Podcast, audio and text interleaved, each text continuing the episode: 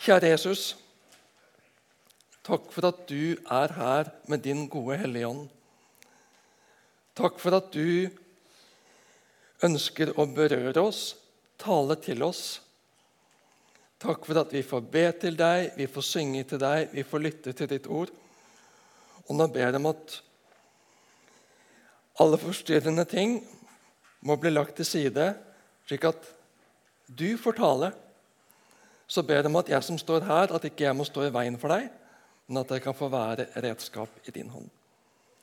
Gjør din gjerning i oss, Jesus, og mellom oss. Det ber jeg om. Amen.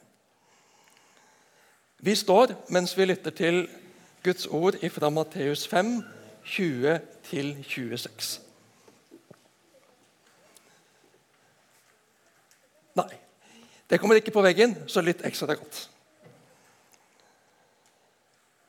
Ja, jeg sier dere, dersom ikke deres rettferdighet langt overgår de skriftlærde og fariseernes, kommer dere aldri inn i himmelriket. Dere har hørt det er sagt til forfedrene, du skal ikke slå i hjel. Den som slår i hjel, skal være skyldig for domstolen. Men jeg sier dere, den som blir sint på sin bror, skal være skyldig for domstolen. Og den som sier til sin bror, din idiot, skal være skyldig for det høye råd. Og den som sier 'din ugudelige narr', skal være skyldig til helvetes ild. Om du bærer offergaven din fram til alteret, og der kommer til å tenke på at din bror har noe imot deg, så la gaven ligge foran alteret, og gå først og bli forlikt med din bror. Så kan du komme og bære fram offergaven din. Skynd deg å komme overens med motparten din mens du ennå er sammen med ham på veien. Ellers vil motparten din overgi deg til dommeren og dommeren til vakten, og du blir kastet i fengsel. Sannelig, jeg sier deg, du slipper ikke ut derfra før du har betalt de siste øre. Slik lyder Herrens ord. Vær så god, sitt. Har du skjelt ut noen noen gang? Har du kalt noen idiot? Din tosk? Da er du skyldig til helvetes ild, slår Jesus fast. Jesus legger ingenting imellom. Her må han bruke klare ord for å vise oss hva som står på spill. Dere ser opp til lederne deres, men de holder ikke mål. Eller for å sitere korrekt Dersom ikke deres rettferdighet langt overgår de skriftlærdes og fariseernes, kommer dere aldri inn i himmelriket. Er du mer rettferdig enn de religiøse lederne på Jesu tid?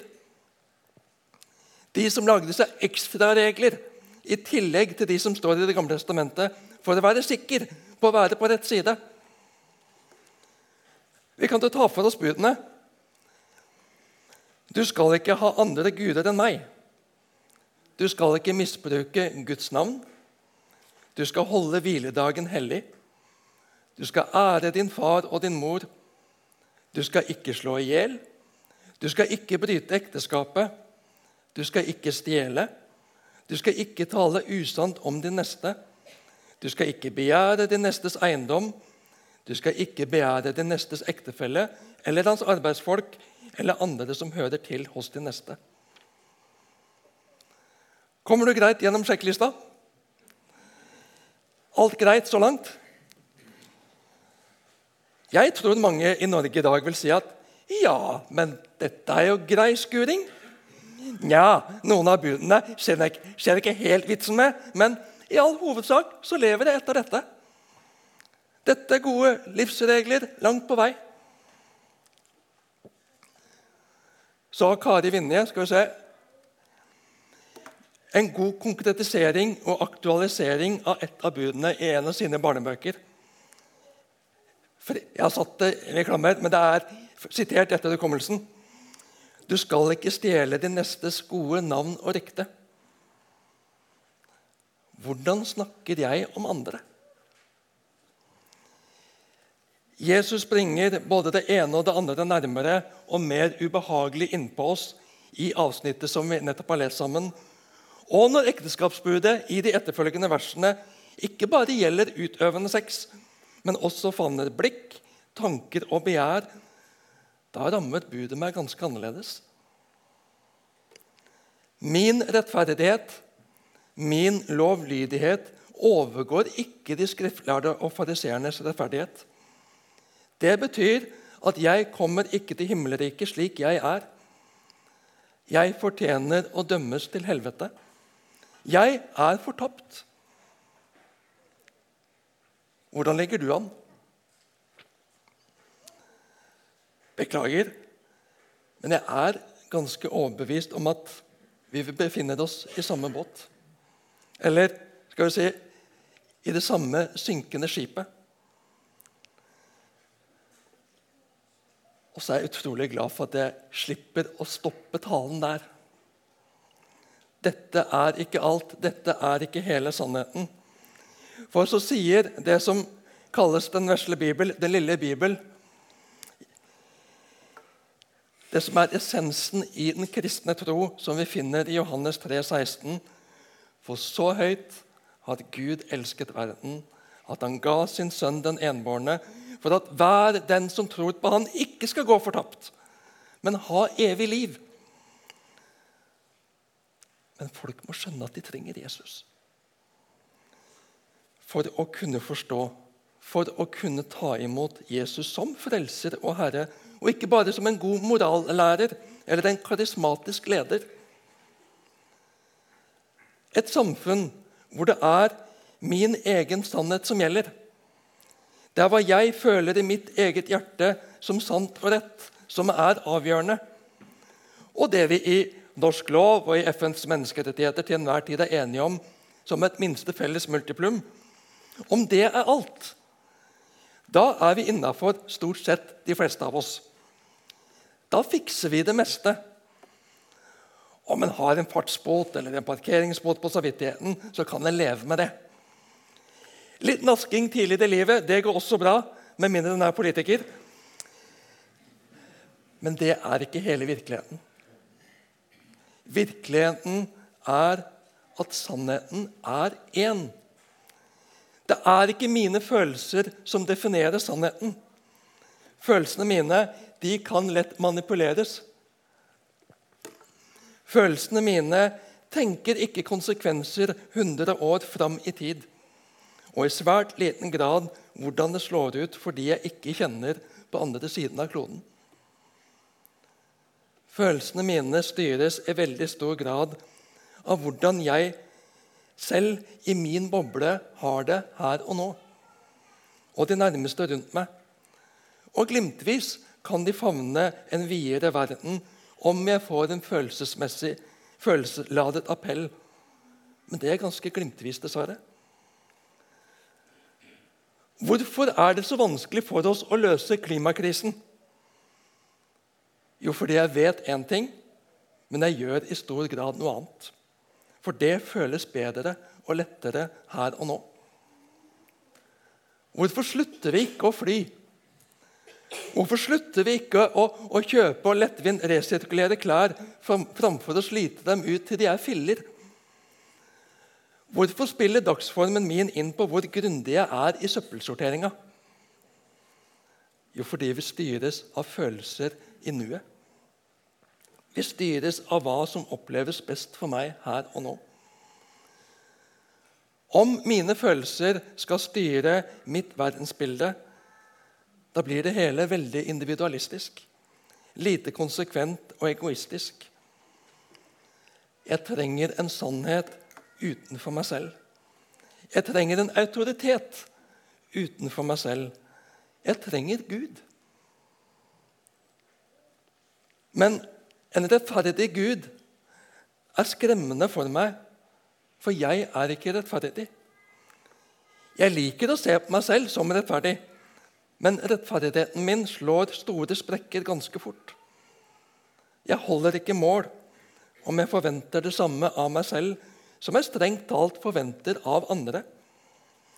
Jeg tolker det mitt ut ifra mine egne formidlende omstendigheter, men de andre ut ifra en god og rettferdig standard men uten særlig personlige tilpasninger. Samtidig, og egentlig ganske motstridende, så strever jeg til stadighet med å sammenligne andres fine ytre fasade med det jeg kjenner på innsida. Og kjenner dermed på tilkortkommenhet, underlegenhet. Om mine følelser skal definere min verdi, blir jeg som de mest risikoutsatte aksjene på børsen. Det går veldig opp og ned.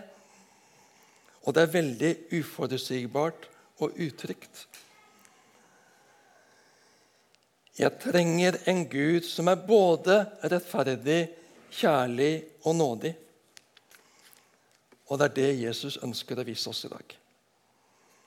Du er ille ute om du satset på at du skal berge deg greit i land på egen hånd. Din rettferdighet holder ikke. Din rettferdighet fører deg ikke til et godt sted. Men Jesus sier, 'Jeg er kommet for å berge deg.' 'Jeg er kommet for å redde deg.' 'Jeg er kommet for å frelse deg.'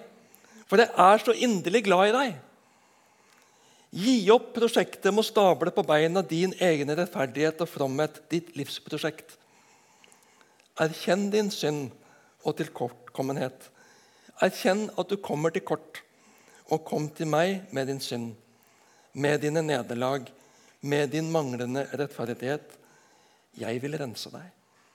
Jeg vil tilgi deg. Jeg vil frelse deg. Jeg vil gi deg min rettferdighet. Når du erkjenner at du er skyldig innenfor Guds domstol, når du kommer til meg med din synd og overlater den til meg, sier Jesus, da er det håp for deg. Hos meg er du trygg. I meg har du himmelriket i arv. Jeg har sonet all din synd for å gi deg et liv som varer, hjemme hos din himmelske far. Erkjenner du det? Tar du imot det, da er det ditt. Jesus er opptatt av din framtid. Derfor lar han deg ikke leve i illusjoner. Derfor lar han deg ikke være i fred med å flikke på fasaden. Det er først når du erkjenner din situasjon og kommer til ham med det hele, at det er håp. Hos Jesus er det virkelig håp for framtida. Samtidig så vil ikke Jesus at vi bare skal være opptatt av framtiden og og ikke forholde oss til virkeligheten her og nå. Vi lever her og nå, og det betyr noe. Selv om vi har vårt hjemland hos Gud, så er vi her i dette livet, skapt av Gud, plassert her av ham, av en grunn, med en mening. Det er ikke kristelig å la det skure på hjemmebane. Det er ikke kristelig å la det skure i relasjonene, for jeg skal jo til himmelen. Det er det som betyr noe. Livet her, det betyr også noe. Gud har satt deg her av en grunn. Du skal leve med ham og for ham i hans gode vilje, med dine medmennesker. Du skal leve godt med dine medmennesker. Hvordan har du det med de rundt deg nå? Rundt deg der du sitter, ja, men også med de ulike menneskene som er en del av livet ditt. Hvordan har du det med dem? Har du det godt med dem? Når tankene flyr rundt i de ulike relasjonene du har med ulike mennesker i ulike sammenhenger, dukker det sannsynligvis ikke bare opp gode minner eller bare gode følelser. Det er kanskje noen sår, noen skuffelser, noen nederlag og vonde ting. Vi kan ikke forandre andre mennesker. Vi kan ikke forandre andre enn oss selv. Er jeg villig til å ta tak i mitt? Er du villig til å be om tilgivelse for det du sa den gangen? Er jeg villig til å be om tilgivelse for det jeg gjorde den gangen, og på den måten søke forsoning?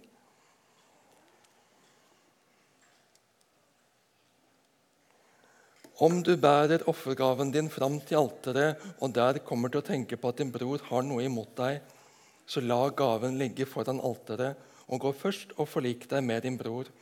Så kan du komme og bære fram offergaven din.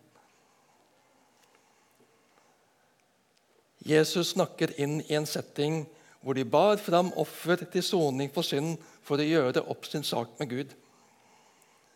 Men Jesus pålegger dem å gjøre noe annet først. Det er lettere for oss å gjøre opp med en nådig Gud hvor vi strengt talt kan være trygge på tilgivelsen. Gud er nådig, Gud er forståelsesfull, Gud er trygg.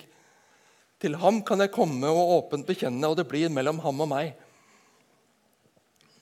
Men med neste søsken, kollega, en gammel nabo, en bror eller søster i menigheten er jeg kanskje ikke så trygg på.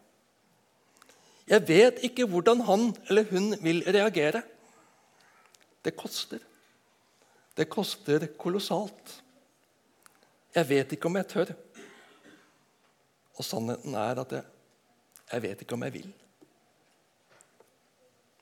Han, hun, får be meg om tilgivelse først. Det var han som begynte. Hun er vel så skyldig som meg. Og Når jeg sier det sånn, så erkjenner vi at dette er langt ifra den holdning Jesus har bedt oss om å ha. Dette er en holdning som ikke samstemmer med åndens frykter. Syns du Jesus er vanskelig? Syns du Jesus er kravstor? Sannheten er at Jesus er for glad i deg, og for glad i ham, i henne, til å glatte over, gjemme vekk, bagatellisere det vonde som ligger der mellom dere. Det er oppgjør og forsoning som kan hele og gjenopprette relasjonen. Jesus vil deg godt. Derfor maner han deg til oppgjør.